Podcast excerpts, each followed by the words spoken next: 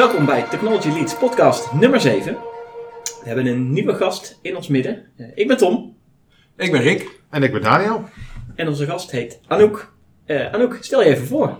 Nou, ik ben Anouk Groot. Ik werk als cybersecurity consultant bij Society. En ik hou me bezig met het verbeteren van cybersecurity binnen organisaties.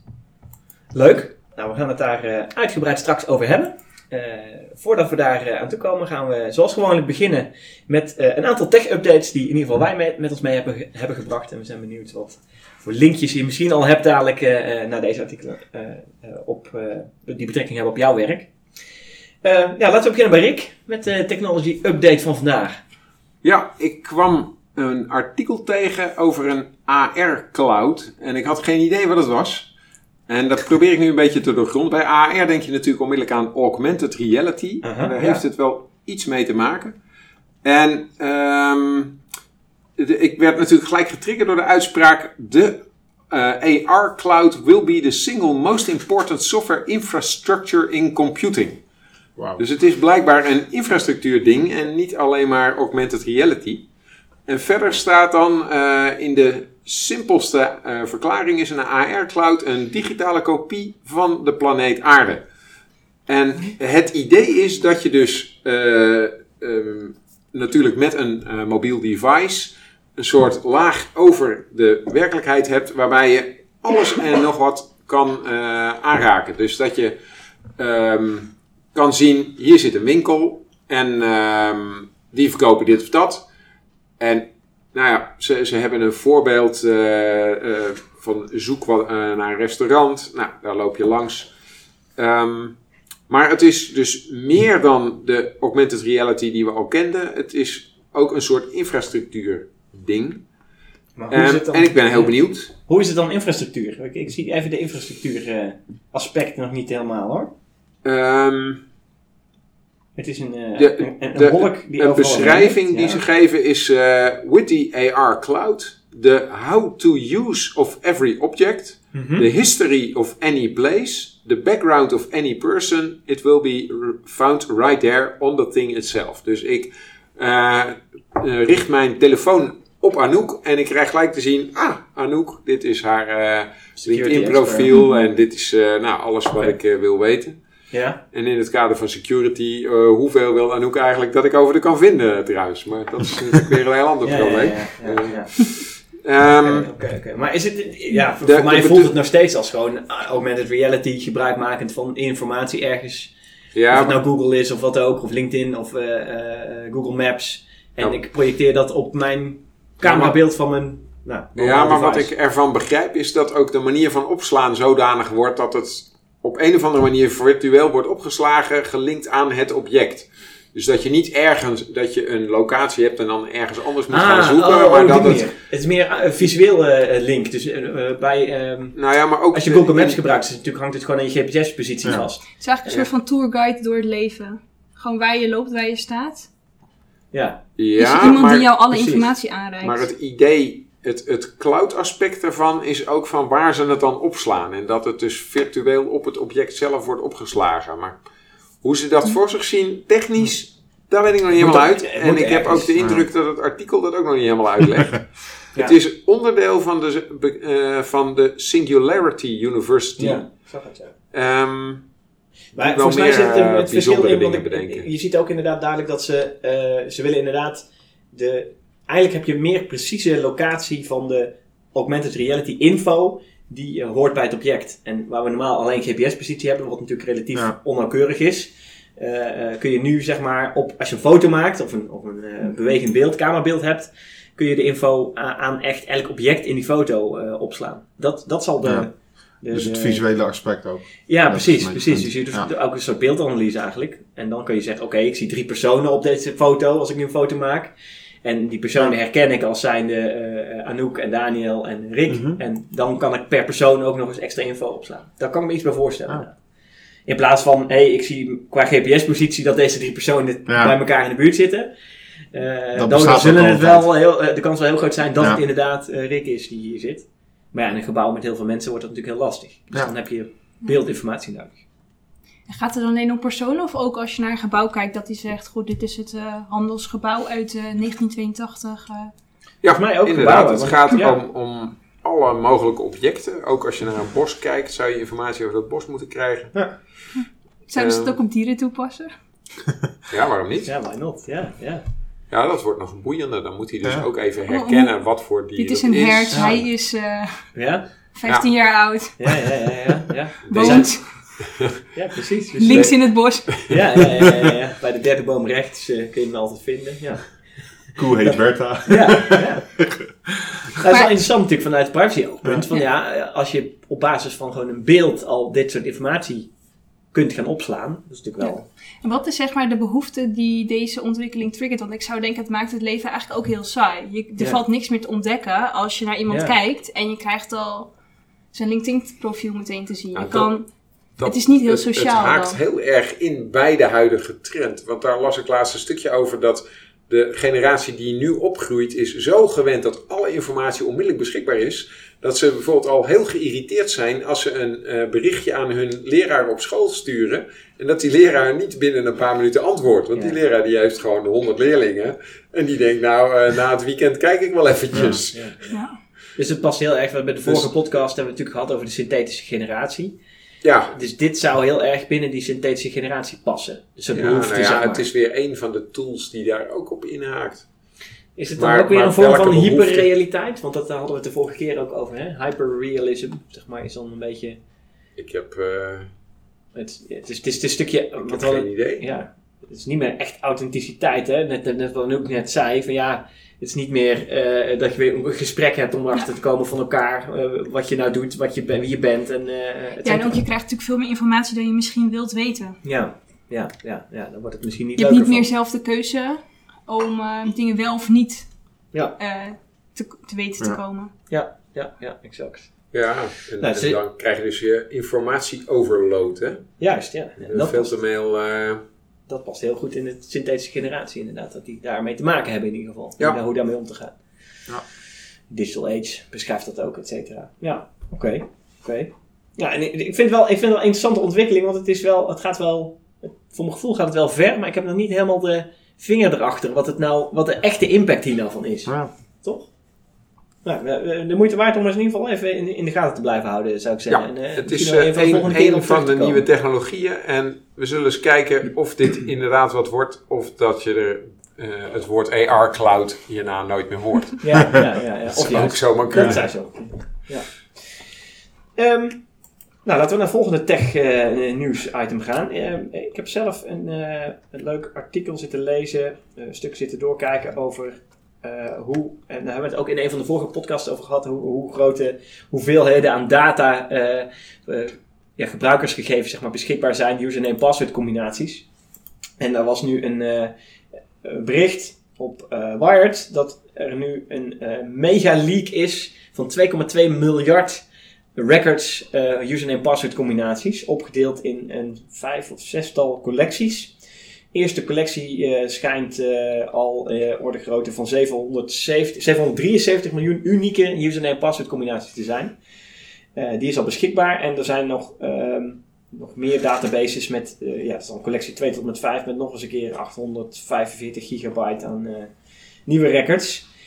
En ik vond het wel interessant, ik las dat, ik ja, oké, prima. Hè? We hadden de vorige keer ook gekeken, je kunt zelfs opzoeken of jouw username password ergens voorkomt, of je...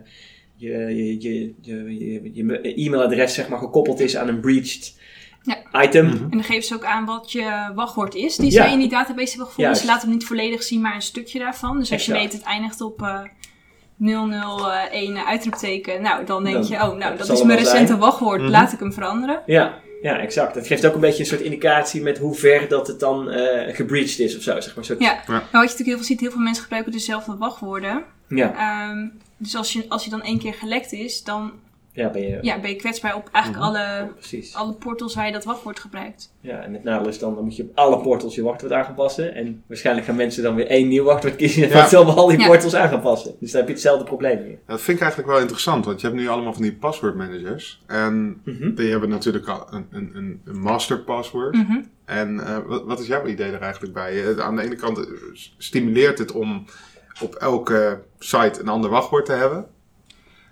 Maar Ja. je bent aan de andere kant ook alweer meer vatbaar dat iemand, of, eh, ja, dat, iemand één iemand- wachtwoord Nou ja, je hebt eigenlijk twee, eh, nou ja, je hebt meerdere manieren om een goed wachtwoord te bedenken. Je hebt mensen die, die kiezen een random password, een, een code, nou, Hash code linkt, iets. Een code van 16 eh, cijfers en nummers. En die slaan ze dan bijvoorbeeld in de paswoordmanager Mhm. op.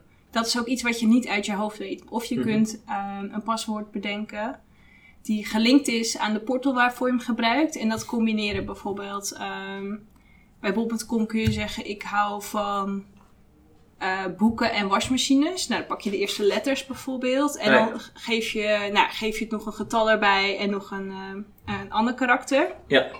En dan weet je als je naar bol.com gaat dat je denkt, ja, wat, wat, wat was mijn link hiermee? Dat je daar, daaraan je paswoord kunt eh, herinneren. Een soort associatieve Eh, en combinatie. die hoef je dan maar. ook niet op te slaan. Niet in je browser, niet in, je, Nee. in een paswoordmanager. Ja, want hoe kijk jij aan tegen password managers? Want ik zit eh, eh, misschien iets te lang in de IT en ik heb het idee dat alles gehackt kan worden. Ook een password manager. Dus als ik Ja, al mijn passwords in een online password manager heb zitten, ja, dan hoeven ze alleen dat ding maar te hacken en ze kunnen in al mijn accounts. Ja, nou daar heb je, ja, paswoordmanagers, nu, tot nu toe heb ik eh, geen slechte verhalen erover gehoord. Er zijn echt een aantal goede eh, managers op de markt. Eh, maar je hebt ook bijvoorbeeld multifactor authenticatie, wat het alweer lastiger maakt om Ja. met één paswoord al ergens in te komen. Ja. Dus zeker voor LinkedIn, Facebook, ehm, Gmail of zo kun je gewoon een extra verificatie aanzetten. Multistep, Ja. two-step, of multistep verification. Ja, ik heb in ieder geval Waarbij alles waar eh, daadwerkelijk geld mee gemoeid is, daar heb ik wel dubbele authenticatie ja. op gehangen. Maar om nou aan dingen als LinkedIn en Facebook dat te gaan hangen, dan vraag ik me af, ja. Het leuke is, je ziet dat, dat heel veel de telefoon gebruikt wordt als two-step verification, maar die, ook die SMS'jes. is alweer te hacken, want het is heel makkelijk, dat was pas in het nieuws inderdaad, dat, eh, eh, dat je heel makkelijk je telefoonprovider opgebeld kan worden door iemand anders. Ja, Een nieuwe simkaart aangevraagd wordt en die, eh, Ja. eh, ja, dan kun je Maar zelf dan moet, je, dan moet je natuurlijk wel even kansberekening gaan doen van hoe groot Ja. is nu de kans dat dat gebeurt en dat Ja. iemand mijn wachtwoord online eh Ja, ja, ja. achterhaald en het heeft. valt vrij snel op. Ja. Nou, dat viel tegen. Ja? Ja, dat viel tegen. Dat- Want, maar die simkaart wordt dan, je oude simkaart wordt dan toch geblokkeerd. Dus je hebt vrij snel door met nee, telefoon. nee, nee, je want je kunt multi, multi, meerdere simkaarten aanvragen. Dus als je dat niet door hebt. meer. Ja, je krijgt ook niet echt meer per post een brief van Nee, eh, Nee, exact. we hebben Dat je was het een nieuwe simkaart. eh, En misschien, is dat, misschien is dat ook wel het probleem. Dat we gewoon moeten zorgen dat, dat bijvoorbeeld die, die, die telefoonmaatschappijen gewoon Meer notifications. meer notifications gaan sturen op zulke momenten. Want dat zie je ook bij je e-mail bijvoorbeeld. Van, joh, als je een nieuwe inlog hebt. Ik heb maar het lastige is bijvoorbeeld, ik dacht net, oh ja, maar als je een nieuwe sim aanvraagt, kunnen ze verificatiecode per Ja, sms ja, ja. sturen. Maar je vraagt soms juist een nieuwe hem simkaart aan als Ja. de oude Ja, niet meer werkt. Dus Ja. dan kun je niet op dat soort manieren. Nee, maar een notificatie kan natuurlijk op een Ja. andere manier eh, bijvoorbeeld. Ja. Dan heb je weer een manier waarop je het kan onderscheppen. Nou, ik heb nu de YubiKey als two-step verification, ja. maar die werkt ook erg goed. eh, eh, maar ja, ook die moet je weer niet kwijtraken, Ja. Of, eh, want dan kan ook iedereen Ja, weer bij. en je hebt ook vaak eh, tokens, fysieke of eh, ja, digitale tokens. Ja, ja, ja, ja, ja, precies, precies inderdaad. Ja, ja. Nee, die Yu- YubiKey doet dat ook een beetje en het leuke is, de YubiKey heeft eh, een eh, fysieke component, zeg maar. Je Namelijk zit er gewoon een QR-code. hoort. Ja, kijk. Dus, Tom laat hem nu aan de microfoon zien. ja, precies, ja. Eh? Ja, ja, ja, dat doet hij gewoon. Dus, eh, Maar is wat, prima. wat doe je met die key? Want Die moet je dan in je device stoppen. Ja, in je En USB-poort als stop ik nou een, een iPad heb, Ja, dat kan ook. er zit geen USB-poort op. Nee, maar je hebt wel conversie. eh. Ja, precies. Nou, eh, sterker bij- nog, dat hoeft niet per se. Er zit dus een QR-code op. Oh, en die kun je ook scannen. En die genereert dan ook de, Ja, oké. Dat is dezelfde dan hash. weer... Dus dan heb je. Ja, want ik, eh, aan mijn, bij, op het werk van mijn vrouw hebben ze nu net aan alle de- eh, medewerkers zo'n eh, zo'n soort key uitgedeeld. Aha. Alleen dit is een organisatie in de zorgsector waar de gemiddelde medewerker niet zo heel veel verstand van IT heeft. Oh ja. En wel een hoop mensen iPads en zo hebben. En die kregen dus zo'n ding. En die hadden, ja, En en, nu? en nu? Ik kan er niet in.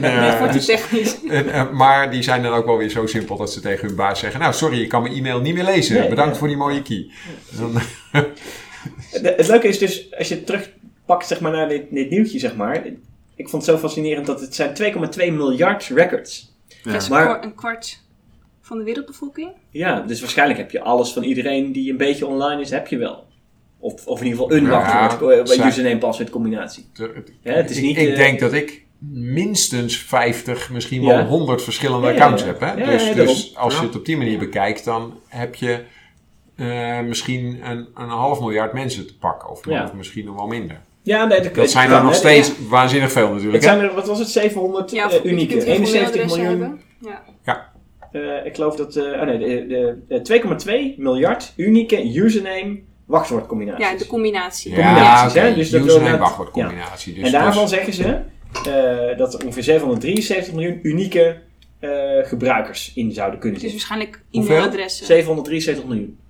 Ja, oké. Dus daar- daar- inderdaad. Dan zit je in de orde van Ja. grootte van een half miljard. Ja, ja, ja. Maar Dus goed, Maar ja, wat, wat doe je ermee? Want het is zo groot. Je kunt niet...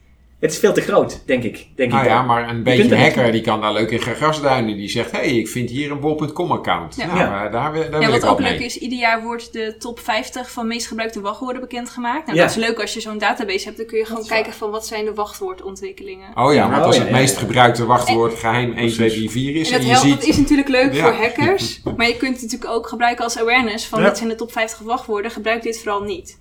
Ja. Ja, ja, ja, dus dat is meer... eh, ja, awareness is natuurlijk een hele goede. Ja, het, het is- het, het leuke is, echte digibeten die zijn, eh, die denken juist, oh, dit is de top 50 meest gebruikte wachtwoorden. Nou, welke zal is ik doen? Ja. Oh, dan doe ik deze. ja. dat was net niet te bedoelen. Nou, het grappige was, in het artikel gaat het op een gegeven moment verder over, omdat het ja, terabytes aan data is, zeg maar. eh, in totaal. Eh, wat is het, 800 gig, zo'n beetje. Eh, het, het lastige, het probleem is nu dat het eh, bijna niet op te slaan is online. Omdat niet iedereen wil dat online hebben staan, zeg maar. Ja. Want je moet allemaal mensen hebben die dat hosten voor je. Want anders is het op een gegeven moment weg, die, die hoeveelheid data. En dat was een probleem. Dus die data moet ergens staan. Eh, dus er wordt echt gevraagd van, aan iedereen alle, in de hacker community van nou, zet, Mhm. laat het alsjeblieft online zijn. Maar het is wel veel, dus iedereen is daar een beetje ja, lastig. Eh, eh, dus voor onderzoek is het heel leuk, maar echt praktisch gebruik is, dat, is nog wel questionable, zeg maar. Tenminste, dat lezen, haal ik een Ja. beetje uit het artikel, omdat het eigenlijk te groot is. En ehm, ja, dus op die manier ja, moet je er nou echt bang voor zijn dat dit een probleem is. Nou, het geeft wel, ik denk dat het vooral die awareness is. Dat je nu op kunt zoeken, net waar we het net Ja. over hadden, wat jij net ook zei, Anouk, je kunt opzoeken, zit jouw wachtwoord erbij, zit jouw username Ja. password erbij en moet ik er iets mee of niet? Dat is natuurlijk wel Ja, en heel dat maakt wel, als je, als je mailadres wel voorkomt, dan je realiseert je dan wel heel Ja. goed van, oh, ik ben, ik ben ook kwetsbaar. Het, is, het gebeurt niet alleen bij een ander. Juist, ja. Ehm, ja. Ook al kun je er zelf niet altijd iets aan doen. Nee. Of je doet heel erg je best om het te voorkomen. Eh, Ja, het, want- het kan jou nog steeds raken. Ja, natuurlijk, want het, het lekken van wachtwoorden en eh, username en passwords is waarschijnlijk niet aan jezelf te wijten, maar meer aan dat er ergens een account ge- gehackt is op, op Ja. de site waar jij Ja. dat hebt aangemaakt. In plaats van dat jij Ja. eh, op Precies. een fake site iets ingevo- ingevoerd hebt, zeg maar. Maar het blijft, awareness blijft natuurlijk super interessant ook met dat Have I Been Ja. Pwned, die website van eh, Troy Hunt. Waar je dus gewoon je, je e-mailadres in kan vullen en kan zien waar, in welke leaks eigenlijk jouw, eh, jouw e-mailadres ook voorkomt. Ja. Ja. Nou, dat is super interessant om te weten natuurlijk. Precies. Precies. Ja. Daniel. Ja, over awareness Ja, gesproken. Awareness. ja. Hey, ik had een nieuwsartikel over een, ehm, over een bedrijf in Canada. Quadriga CX. En Nog dat, Quadriga CX. Ja. En ehm, ja, dat is een eh, cryptocurrency exchange. Ehm, En ehm, ja, die zijn eigenlijk 137 miljoen dollar Ja. van eh, hun klant ja, cryptocurrencies eh, zijn ze eigenlijk kwijt. Omdat de, de eigenaar die schijnt dood te zijn in India. Of, eh, Ja, hij was de enige die de, die, de, die de wachtwoorden in zijn bezit had. Ja. ehm, Tot die 137 miljoen dollar. Dus, ehm, dat was een beetje het nadeel van cryptocurrencies. Dat je een wachtwoord moet hebben. En als je dat wachtwoord niet meer hebt, dan is het geld weg. ja, ja, maar goed, als Je- bedrijf is Ja. natuurlijk niet handig bedacht. Mensen stallen nee. hun, hun, het. bitcoins of hun cryptocurrencies bij jou, Ja. omdat ze verwachten dat jij dat veilig bewaart. Mhm. Nou, het was En ook heel ik- veilig. Er was maar één ik iemand die begreep het ook wel dat die directeur aangaf van, ja weet je, ehm, ik bewaar het zelf wel. Hij was volgens mij rond de 30 jaar, Ja. dus ook niet echt een leeftijd dat je hele grote risico's eh, voor je eigen leven ziet. ja. Ehm, ja, maar goed, hij was dus de enige uit, uit veiligheidsoverwegingen misschien, ehm, Mhm. die die wachtwoorden had. En nu is hij dus eh, in India overleden. Schijnt, ik heb ook al ehm allerlei tamtamverhalen geruchten gehoord met, oh ja. maar het ging niet zo goed met dat bedrijf. Nee. Ehm, Oh, ja. ja, en als hij de enige is die wachtwoorden heeft, dan kun je geen, eh, ehm, geen transacties meer doen uit wallets. Maar er zijn Mhm. dan mensen hebben er online gekeken en er vinden toch transacties plaats. Dus die hebben het idee van, oh, misschien is dit wel een scam. En heeft hij Ja. zich dood laten verklaren. Ja. En ehm, ja, sluist hij nu de, de currencies naar zichzelf door? Of wil hij Mhm. faillissement voorkomen? Ja. Dus het is grappig is dat je wil, eigenlijk wil je je wachtwoorden goed opslaan, zeg maar. Hè? Je wil dat goed eh, beveiligen. En Ja. in dit geval hebben ze dat bij één persoon gedaan. Nou, hartstikke veilig. Alleen, ja, daar zit natuurlijk wel een nadeel aan. Als die persoon niet eh, beschikbaar is, even los Ja. van Ja. het feit of die dood is of niet dood is. eh, ja, Precies. Heb je En- een probleem natuurlijk. Ja, ze hebben Dus, dus... zou je toch die wachtwoorden nog ergens fysiek ook moeten opslaan in er- Ja. een kluis leggen of zo? Ja, fysiek of het met een andere persoon delen. Kijk, in het kader van je business continuity is dit gewoon eh niet... Superdom. eh, Ja. een leerpunt voor... Ja. misschien een leerpunt voor vele andere organisaties. Ja, ja, ja. Ja, maar ook voor, voor, voor die klanten natuurlijk. Van ja, eh, Ja. ik denk dat je als klant echt wel, als je zoveel geld daar, daar eh, onderbrengt, dan denk ik dat je echt wel wat eisen kan stellen. En Ja. eh, ook kan zeggen, ja, dan moet je dan maar vertrouwen of ze dat Ja. ook echt doen. Maar je moet er wel Dat echt naar vragen en doorvragen. je kunt er precies. dus niet van uitgaan dat de Ja, security altijd maar voor jou geregeld Maar dat is nou juist de grap. Dat heel veel mensen die daarmee bezig zijn, die die vragen überhaupt niet kunnen verzinnen. Nee. En dus ook niet stellen. Hè? Want dat is het, hetzelfde wat in traditioneel eh, nog alles misgaat met eh, ook beleggingsconstructies en Mhm, zo. Dan ja. zijn er mensen met beroepen als eh, artsen eh, en eh, advocaten en zo, die daar gewoon Mhm. allemaal in tuinen, omdat ze gewoon de bedrijfskundige achtergrond niet hebben. En Ja, dus gewoon Ja, niet doorzien dat het een heel slecht verhaal is. Ja. ja, dat is ook zo. En, en met digitale dingen is dat voor heel veel mensen eh, nog veel lastiger. Maar het fascinerende hier is toch ook dat het een, een, eh, het is een cold wallet is. Het is een, eh, een, een eh, portemonnee, een offline portemonnee zeg maar. Dus feitelijk zou je die gewoon kunnen beveiligen als any other cash ding. Eh, inderdaad, leg het in een kluis zeg maar. Ja. Je zou gewoon een USB-stick in een kluis kunnen leggen in dit geval, toch? ja, en de USB-stick was weer encrypted, dus dan heb je weer een... Ja, Ja, maar Ja, oké, dan moet je wel wat wachtwoorden weten. Ja, Ja, maar ook die kun je in weer in een kluis leggen. Ja, En dan kun je zeggen, Ja. daar heeft het ja, bedrijf dat- heeft Ja, daar toegang toe. Dat kan dat- allemaal wel, maar ja, die man dacht misschien ja. als ik het in een kluis leg, kan iemand eh, die kluis kraken. Als ik het alleen maar in mijn Nou, hoofd heb, dan ja. komen ze er nooit achter. Ja, dat gaat natuurlijk wel erg ver.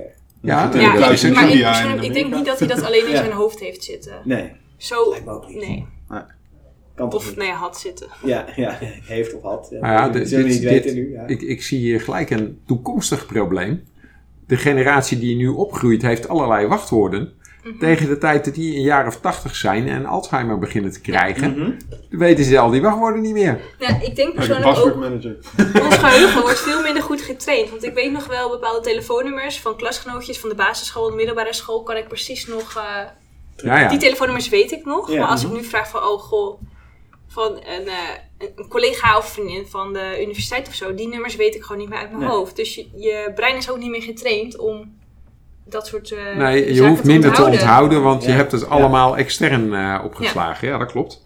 Ons externe geheugen, zeg maar. Eh, En, de- en meestal is je telefoon je externe geheugen wat we bij ons dragen, toch? Nou zit het er eh, met, met eh, eh, noem het maar biohacking en zo, eh, weer naar uit dat we dan gewoon zo'n geheugenchip weer implanteren Ja, ja, ja, ja, en die ja, ja. onthoudt dat dan allemaal weer. ja, dat is Of waar. we dat moeten Ja. willen is weer wat anders. Maar... Ja, Ja, waarom en hoe, ja. hoe veilig is zo'n chip dan? Die Ja. kan dat allemaal uitlezen. Of schrijven. Precies. Uitlezen is één ding, maar als Ja. je kunt schrijven is het natuurlijk Ja. veel enger nog. Ja, nou ja. eh, eh, eh, ik- ik- Kennen jullie het verhaal van Mary Moe? Nooit Nee. van gehoord? Nee. Eh, Mary Moe is een eh, security expert uit Noorwegen. Dame van nou, rond de 30. Je, eh, ehm, Mo schrijf je M-O-E. Dus in het Nederlands zou je moe zeggen. Ja? Ehm, maar ik heb haar op eh, verschillende conferenties al gezien. En eh, Mary Mo heeft een hartafwijking. En die heeft dus een pacemaker. Ja. Maar ze is ook security expert. Oh ja. ja. Dus die kwam in het ziekenhuis en die zei tegen die, die arts: Hoe zit dat eigenlijk? Want die pacemaker kan op afstand uitgelezen worden. ja, ja. En En geschreven. eh, ook beschreven worden. ja. ja. Dus hoe zit dat met de security? En Ja. die arts had zoiets van: Hoe bedoel je security? Ja, ja, ja, ja. Ja, nou ja, ik ben toevallig security of Ja. IT-security expert. Kan iedereen dat Leg doen? mij eens uit. Ja, dat wist die man niet. En toen is ze gaan zoeken. En toen bleek er zit inderdaad een standaard password op, wat op al die dingen standaard password Ja, is. ja, ja. Dus je kan gewoon op afstand dat gewoon veranderen. Maar daar is ook een reden voor, toch? Ze willen ook, tenminste, er is ook een heel, in ieder geval een heel verhaal over het feit dat bijvoorbeeld pacemakers of dat soort devices die in je lijf zitten om jou nou ja, in leven te houden, hè, of, of je Ja, leven in ieder geval eh, te verbeteren, eh, eh, die wil je ook snel kunnen ingrijpen. Stel dat het misgaat met die pacemaker en je moet daar een aanpassing in doen. En, je kunt, en het paswoord zit in de persoon, in je hoofd. Nou ja, En die persoon is eh nee, bij maar het het westen. zou dan handig zijn dat je Dan dat je password ergens in het ziekenhuis of zo dan hebt Oké, opgeslagen. nou heel en goed idee. En dan, dan, moeten die ziekenhuizen even communiceren erover. ja, en dan kom jij eh, met spoed het ziekenhuis in, zeg maar. En dan moet iemand even het paswoord opvragen. Voor Uit- die Ja. pacemaker. Uit het elektronisch patiëntendossier. Ja, bijvoorbeeld. Ja, Eh, nee, dat- Hoeveel ja. tijd gaat daar overheen? Ja. En, dus het is, Maar- het is maar bewust zeg het- maar, het is- een hele lage threshold om zo snel mogelijk te kunnen handelen. Nou, wat, wat zij vertelt in haar verhaal is, Ja. op een gegeven moment eh, ging er een keer ook eh, wat mis. En die pacemakers hebben wel een, eh, nog een backup soort Ja, ding. Dus die ja. constateert zelf van, hé, hey, het Ja. is mis. Dus En dan doet hij, ik weet niet meer hoeveel, maar zoveel slagen per seconde gewoon. Dan Oh, gewoon ja, bonk, bonk, standaard, bonk. ja. Dus Ja, zij voelde onmiddellijk van, hé, hey, er is wat mis. Want het Dus gaat wel heel raar met mijn hart nu. Maar in ieder geval bleef ze wel in leven. Nou, zij Ja. naar het dichtstbijzijnde ziekenhuis. Dat was toevallig in Amsterdam. ja, En daar hebben ze dan ten eerste een hele batterij uitleesapparaten. Want er zijn heel veel merken. ja Dus dan moeten ze al gaan kijken. En dan, oh ja, nou ja, we kunnen het zien. Nu moeten we de settings erop zetten. Wat zijn de settings? Ja, Ja, zij is een vrouw van 30. Die heeft hele andere settings dan de Tuurlijk. gemiddelde gebruiker van 80. En Dus gelukkig had zij zelf een Ja. printje gemaakt van de settings. Die lag. Nou ja, op haar kantoor. Dus iemand heeft die gefaxt naar het ziekenhuis. dat faxt ook echt. Ziekenhuizen hebben nog een fax, hè? Oké. Dus dat kan gewoon. En eh, ja, en toen kon de er weer in Een foto-app had ook gekund misschien. Had niet? misschien ook Ja. gekund, maar de ziekenhuizen faxen nog gewoon. Oh, oké, oké. Prima. Nou, hoe komen we hierop? Eh nou ja, security. Nou ja, ja, ja, ja, het is natuurlijk een afweging van wat is de kans dat er misgaat met het apparaat en dat je snel Ja. kunt ingrijpen. En wat is de kans dat iemand bewust iemands pacemaker zou willen uitschakelen? Nou, Ja. Dick Cheney, een voormalige vicepresident van de Verenigde Staten, had ook een pacemaker. En de CIA heeft daadwerkelijk alle remote dingen gewoon Ja, fysiek voor, voor eruit gesloopt. snap ik dat. Ja, ja, maar, het is- ja. Ja. Precies, ja. En Maar oké, maar, maar ook, met die ja. paar mensen met een pacemaker zal het nog wel meevallen. Maar als iedereen een hersenchip geïmplanteerd krijgt, wordt het si- probleem Daar wil je groter. misschien wat meer eh, over nadenken. Ja. Maar goed, misschien moeten we langzamerhand naar iets dichter bij huissecurity onderwerpen. Ja, ja, ja. ja, ja. Want het is wel een heel futuristische blik op security. eh, eh, inderdaad. Laten we wat praktischere dingen bezig pakken qua security. wat, wat zijn praktische dingen qua security waar jij je mee bezighoudt? Ehm, nou ja, awareness hebben we het net al even over gehad. Mhm. Awareness is echt wel een van de een van de meest makkelijke dingen om te doen, maar een van de meest lastige dingen om bij iedereen ehm, goed erin te krijgen. ja. Dus dat is verder niet technisch. Ehm, Nee, maar het is eigenlijk wel interessant dat, dat misschien is dat, gaat het daar misschien wel veel meer over dan over de technieken inderdaad die er onder, onder water allemaal nodig zijn om iets beveiligd te Ja, maken. want- ik- kijk, techniek is sowieso iets wat je bij de gemiddelde Nederlander niet heel goed uitgelegd krijgt. Ehm, dus het moet voor hen gewoon heel concreet zijn. Wat kan ik doen? Nou ja, je updates bijvoorbeeld. ehm, niet, geen standaard wachtwoorden gebruiken. Je wachtwoorden niet delen. eh, dat soort zaken. En ja, daar is gewoon nog heel veel eh, aandacht voor nodig. Oké, ja. ja. Wat, voor, wat voor dingen, wat, wat doen we nog verkeerd? waar, waar, waar Ehm. zou je aandacht voor willen vragen? Nou ja, mensen, ja, bijvoorbeeld je hebt eh, IoT.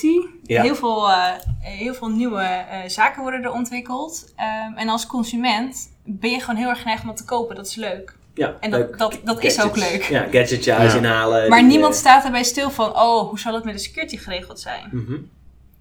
Ehm, en het is gewoon makkelijker om daar niet over na te denken en gewoon iets te kopen en het werkt en het is leuk en je kan het, eh, Mhm. ja, het werkt. Ja, ja out of the box moet het meteen in, in, zo kort mogelijke tijd up en running zijn. Iets. Ja. Een, een, eh, nieuwe lamp in je huis of een... Ja, voor veel, Wireless voor speaker veel of mensen is, ook. is functionaliteit gewoon veel belangrijker dan, oh, hoe zit het eigenlijk met de privacy, hoe zit het met mijn security, Ja. hoe, hoe werkt het precies? Dat is eigenlijk net een stap te ver om, eh, om uit te zoeken. Maar is het dan ook niet een, een, een, eh, een soort ehm, ja, dilemma tussen usability en security, zeg maar? Is dat niet de, de, de twee die Nou, elkaar in de ik, weg zitten? Ik denk niet dat het een dilemma hoeft te zijn. Alleen om, hoe, zoals het nu eigenlijk gaat, is heel veel IoT-devices worden gewoon niet ehm, op een secure manier ontwikkeld. Oké, gewoon Wordt gewoon nog niet meegenomen. Ja. Ah, oké, oké. Dus ja, ja. En de consument weet dat nog niet echt. ja, Eh, dus die kan, het ook niet, die kan het ook niet goed controleren van wat voor chip zit erin, is die chip wel veilig. Ehm, Ja. Ja, ja. Ja. En, en ja, oké, dus heb ik een veilig product in huis of niet? Het, is niet, het gaat juist om de leuke gadget die je in huis haalt. Ja. Wij, wij zitten nog niet in ons hoofd van... Ja, oh, en zelfs wel bij, een ja, veilige- wat ik dan een stomme gadget. gadget vind, is dan bijvoorbeeld een slimme meter. Mhm. Ehm, zelfs dan denken mensen eigenlijk gewoon, oh ja, het is een service, eh, een onderhoudsmonteur komt dit gratis bij mij installeren. Eh, ik hoef nooit meer de meterstanden zelf door Ja. te geven. Eh, nou, zo makkelijk. Boeit, het, boeit- het is niet echt een heel boeiend onderdeel van je leven. Dus dan denk je, nou, Laat maar gaan. Ja. Ja. en veel mensen hebben ook niet door wat anderen met die data zouden kunnen. Hè? Want Ja, het, het, ook- het, het leuke van zo'n slimme meter, of eigenlijk het gevaarlijke van zo'n slimme meter, is dat een beetje slimme inbreker, die hackt Ja. jouw meter, die weet Ja. precies, oh, tussen dan en dan Ja. staat altijd een verwarming uit. Dus dan zijn ze er blijkbaar niet. Ja, ja, ja. En op basis van je energiegebruik kun je het ook precies zien. Wanneer kijk je tv, wanneer zit de wasmachine aan. En hoe, nou ja, misschien is dat nu nog niet mogelijk. Maar wie weet wat je over 10 of 20 jaar eh, ermee Mhm. kunt. Ja, want dan kun je ook misschien wel dingen gaan beïnvloeden, inderdaad. Eh, nu kunnen we alleen zien of iemand thuis is of niet, hè? even heel simpel gezegd. En dat is voor een inbreker interessant, maar daarom Ja. kun je misschien wel je hele leven eh, daardoor laten beïnvloeden, zeg maar, door Wat, die wat ik informatie die een, eruit een kunt teken halen. aan de wand vind, is dat ook eh, eh, de mensen die heel enthousiast zijn over domotica, hè, dus Mhm. het automatiseren van een huis, Ja. nog nagenoeg niemand heeft ook zijn voordeurslot al eh, elektronisch gemaakt. Ja, Dus dat is nog, nog Ja. net... ja, wat ik Ja, wel maar dat is dan toch eng, blijkbaar. ja, dat, dat, risico is nog net even te groot. Hè? Ja. De- Ja. Het feit dat een hacker je lampen aan en uit doet, Ja. oké. maar dat hij ook gewoon je voordeur open doet. Ja. Hey, ik, heb, ik, ik heb een tijdje geleden heb ik een keer een artikel gelezen over ehm, de Amazon Echo was dat volgens mij. Die stond ergens in een, eh, in een slaapkamer. En eh, daar was een moord gepleegd. Oh ja, ja. En eh, toen op een gegeven moment was de FBI was het aan het onderzoeken. En ehm, toen, ja, daarvoor was eigenlijk altijd eh, het, het verhaal van Amazon van ja, we, le- We luisteren niet we mee. luisteren een klein beetje van tevoren en Ja. daarna. En we slaan niet zoveel op en Ja, eh, ja, dat ja. soort dingen allemaal. En toen dat onderzoek eigenlijk doorging, toen kwam eigenlijk langzaamaan steeds meer naar buiten. En Amazon was natuurlijk super bang om ja, imagoschade daardoor op te lopen. Maar toen bleek dus wel dat ze uiteindelijk heel veel meer opsloegen dan Ja. dat eigenlijk eh, dat zij van tevoren aangaven. Ja, dat vind ik wel interessant, want ik heb zelf ook zo'n Google Home. ja. En een Google Home Mini. En ik heb er best wel wat.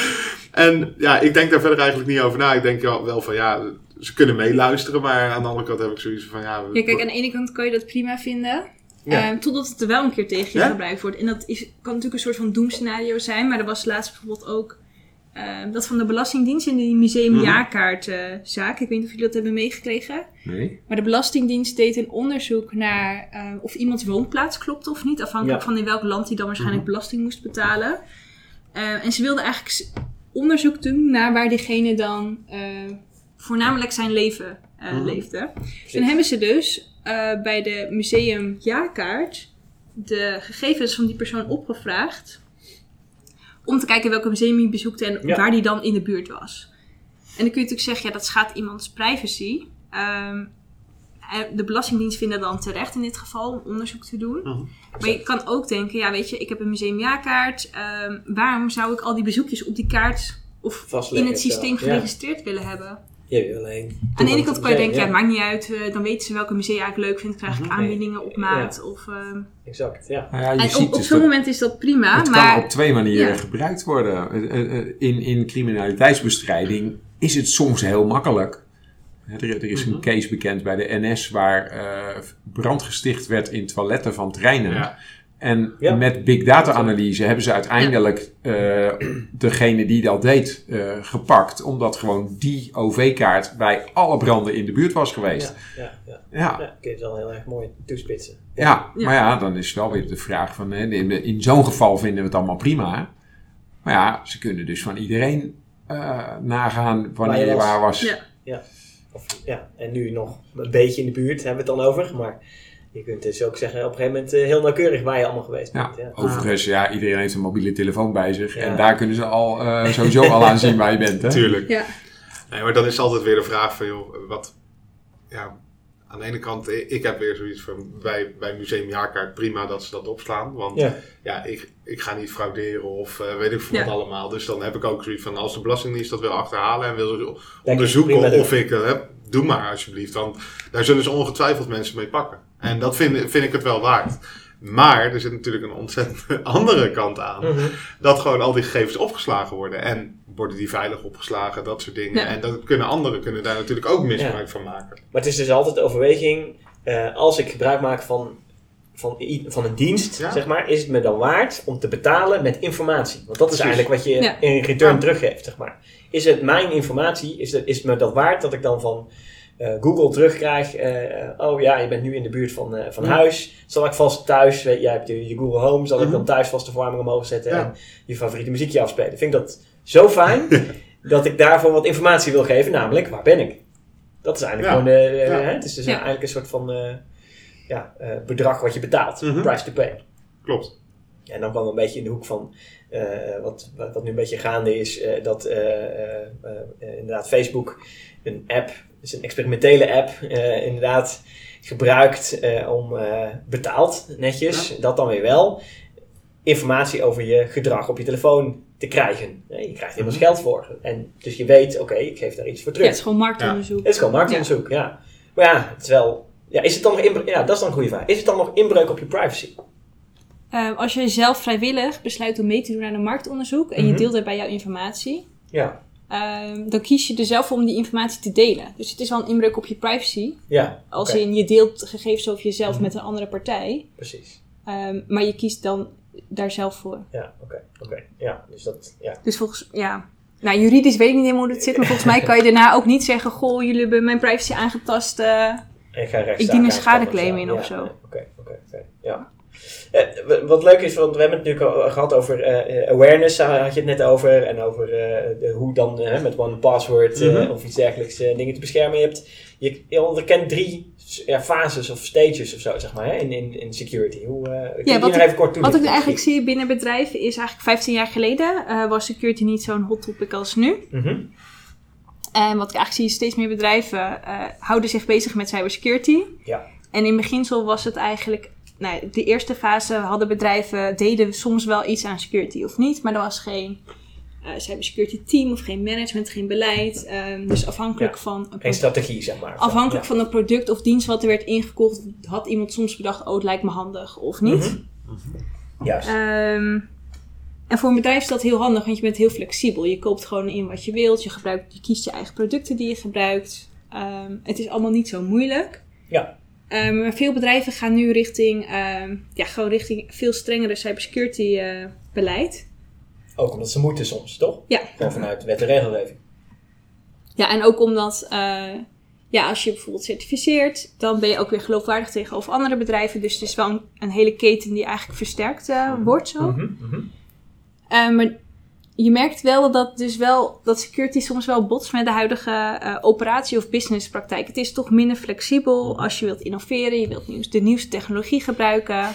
Ja. Je wilt je daardoor laten leiden, tenminste de, de businesskant. En vanuit security zeg je dan eigenlijk, ja, eh, leuk dat er nieuwe technologie is, maar je moet ook echt wel security meenemen voordat we dat kunnen gaan Ja. gebruiken in deze organisatie. En dat vertraagt een beetje je innovatiekracht. Ja, dus eigenlijk breng je dan het security niveau in een organisatie omhoog. Mhm. Maar de, eh, de praktische kant, het innoveren, je bent minder wendbaar, minder flexibel. Ja. Ehm, dat is lastig voor bedrijven. Ja. Ja. Oké, oké, oké. En uiteindelijk wil je dat dat een Je- beetje hand in hand gaat. Ja, dat dat, meer in balans eh, komt. Of ja. dat je zegt eh, vanuit security, we hoeven niet meer hele sterke eisen op te leggen. We, we geven de basis aan. En als iedereen een verhoogd eh, be- bewustwordingsniveau heeft over security. Ja. Dat je zegt, goh, ehm, dit is de basis waar je op moet letten. Vind je zelf als, eh, als inkoper of als manager dat jouw product voor deze type informatie in deze dienst extra security nodig heeft. Dan kun je dat op die en die manier zelf toepassen. En dat, eh, je kunt dat ook weer vertalen naar ons als mensen zelf. Ja. Dat, al- hè, waar we eigenlijk een beetje Ja. mee begonnen. Als je zelf heel aware wordt over security om je heen. Dat is eigenlijk al veel, veel belangrijker dan eh, een- een goede eh password, eh, een goede Ja. manier om passwords te Ja, bedenken eh, in je hoofd hebben zitten. denk ik daar ook al over na van ja, wat, wat is nu onze taak als individu zelf om in te regelen en wat kan bijvoorbeeld de overheid voor ons aangeven? Juist. Ja. Ehm, bijvoorbeeld de EU is bezig met een certificerings. ehm, eh, nou, ze willen eigenlijk alle IT-producten gaan certificeren die in Europa worden gebruikt. Mhm. En hebben ze dan een Europese cybersecurity agency voor die dat gaat doen. Ze zijn nu nog bezig met dat opzetten, maar dat zou dus betekenen dat IT-producten een eh, label krijgen met hoe secure iets is. En als Secure. consument Ja. ja, een security keurmerk. Ja. En dan kun je als consument dus gaan bepalen van, goh, ehm, ja, een beetje, wat, wat doe ik dan volgens mij als het iets hoog Ah, of ja. laag, eh, een hoog of laag score heeft? Maar beetje dat, zoals in de dat label willen ze hangen aan producten. Ja. Te- maar, maar de meeste security tenminste wat ik ervan merk, is toch al- allemaal op internet en zo. Dus niet bij fysieke Nou, ja, producten. Nou ja. je, je kunt toch ook je Word of eh, Office pakket of Ja. eh, et cetera. Er zijn natuurlijk heel veel Ja, of, die- Subscriptions. I- ja, ja. subscriptions of naar, eh, IoT eh, Ja. eh, devices. devices. Ja. Ja. Dingen slimme speaker. Slimme Van, joh, eh, die ja. hebben ooit een keer dit en dit Ja. gedaan. Misschien. Maar het is een beetje Ja. zoals je dus in de supermarkt nu de, de Beter Leven keurmerk hebt voor, voor, eh, voor vlees, zeg maar. Dat je drie sterren Ja. hebt. Heb je daar ook drie sterren eh, security Ja. Eh, van, eh, van de slimme speaker die je in huis kunt halen. Ja, en kijk, het zou natuurlijk ook heel fijn zijn als de Nederlandse overheid zou zeggen: Goh, ehm, we mogen alleen bepaalde software gebruiken die super secure zijn. Ja. Maar op een gegeven moment kom je wel in een fase dat je denkt: hoeveel, hoeveel keuze heb je dan zelf nog? En Ja. gaat de overheid dat dan ook monitoren of jouw software ja, op jouw laptop nog wel secure is of niet? En dan kom je in een. Nou ja, Ja, en je komt dan minder- ook in de schaduwwereld waar we nu heel erg mee zitten met Huawei. Van wie heeft er dan toch nog iets ingebouwd wat ze dan even niet erbij vertellen. Ja. En dan denken wij, dit is heel secure, want de overheid promoot het. En dan blijkt Ja. dat nou net degene zijn waarmee de overheid afluistert. En in Nederland hebben we een overheid die we nog redelijk vertrouwen. Maar er zijn inmiddels best wel wat Ja. landen waar waarschijnlijk mensen een, een door de overheid voorgeschreven eh, software alvast niet nemen, omdat er vast afluister eh, Ja. in zit. ja en als, als individu blijft het een beetje een lastige keuze van vertrouw ik Ja. de, de ontwikkelaar van het product? Juist, ja. Of vertrouw ik dan de check die de overheid doet op dat product? Je moet dus een onafhankelijke testorganisatie hebben. Ja, dat is uh, Om, eh, kansen. Ja, Cybersecurity kansen, ja. Wereldraad. ja. ja, ja, ja, juist. Ja. Ja, ik, ik vind het altijd wel interessant met het, ja, wanneer beveilig je dingen en hoe, hoe werkbaar maak je het ook. Want ik zie heel vaak, ik kom bij ontzettend veel bedrijven, heel veel klanten en dan, dan zie ik dat soms, dan slaan ook de security eh, experts, die slaan een beetje door en die maken Ja. het onwerkbaar voor de, voor de business eigenlijk. Ja, en dan zie je toch gauw dat er, ja, je had het net over schaduwwereld, nou ja, Mhm. shadow IT, dat dat Ja. gewoon ontzettend eh, eh, ja, opspeelt op momenten dat, dat bedrijven gewoon te veel security maatregelen nemen ehm, ja, voor, voor, voor hoe werkbaar het is. En Ja. ja. dan zie je toch mensen dat ze hun eigen Dropbox accountjes toevoegen, dat ze al dat soort dingen doen. En dan heb je als bedrijf gewoon nul controle erover. Dus En- awareness start bij awareness. Precies. Ja, maar ook Ja, al, maar ook soms bij is het ook een bewuste keuze. hè? Daar had je Ja, het net al precies, over. Dat- Precies. maar dat is hetzelfde wat je wel eens ziet eh, in, eh, gewoon in pakhuizen, waar dan eh, alle deuren netjes beveiligd zijn met, Ja. met eh, cijfersloten. En dat dan mensen gewoon even een, een eh, prullenbak tussen de deur zetten, omdat ze iedere keer in en uit moeten lopen en iedere keer die code Ja. moeten Ja. intikken. Of een geeltje opplakken echt- met de code. Ja, Dat soort dingen, ja. De oude codes toevallig. Ik heb gisteren mijn oude agenda's opgeruimd van eh, nou ja, middelbare schooltijd, studietijd. En ik werkte toen ergens en ik heb dus letterlijk post-its in mijn agenda zien zitten met eh, gewoon inloggegevens en wat en wachtwoorden nog van mijn collega's gewoon. Weet je wel, van Oh. oh, als ik op vakantie ben, kijk maar even. eh, ja. kijk, wat dat ik dacht, oh ja, nou ja. Goede overdracht van eh, spullen, ja. Ja, ja, ja. Ja, toen zat ik overigens nog niet eh, binnen de cybersecurity. maar je ziet wel dat er in, nou ja, in, in tien jaar best wel veel veranderd is. Ja. Ja. Ja, dat gaat enorm hard. Ja. Nou, leuk. Ik, ik vond het leuk om even een beetje een kijkje te krijgen in eh, eh, de cybersecurity wereld en eh, eh, hoe je daar naar kijkt. En daar, ik vond het erg leuk dat in ieder geval met name dat awareness stuk, dat ja, ja je, we, zitten, we hebben het over techniek en technology leads podcast heeft het over tech. Eh, maar dat misschien in dit geval tech helemaal niet zo leading hoeft te zijn, maar dat het juist de awareness van de mensen Ja. is die leading kan zijn. Ja. Dat is in ieder geval de boodschap die ik meeneem van je. Zeker. Ja, het is echt een van de... Hoe goed je je technologie inricht, eh, de mens blijft toch een beetje de zwakke schakel. Leuk. Ja. Nou, leuke conclusie van deze Technology Leads podcast. Dankjewel. Ja, jullie ook bedankt. Ja, dankjewel. Eh, dank voor eh, luisteraars voor het luisteren naar deze Technology Leads podcast. Eh, en tot de volgende keer. Tot de volgende keer. Ja, tot ziens.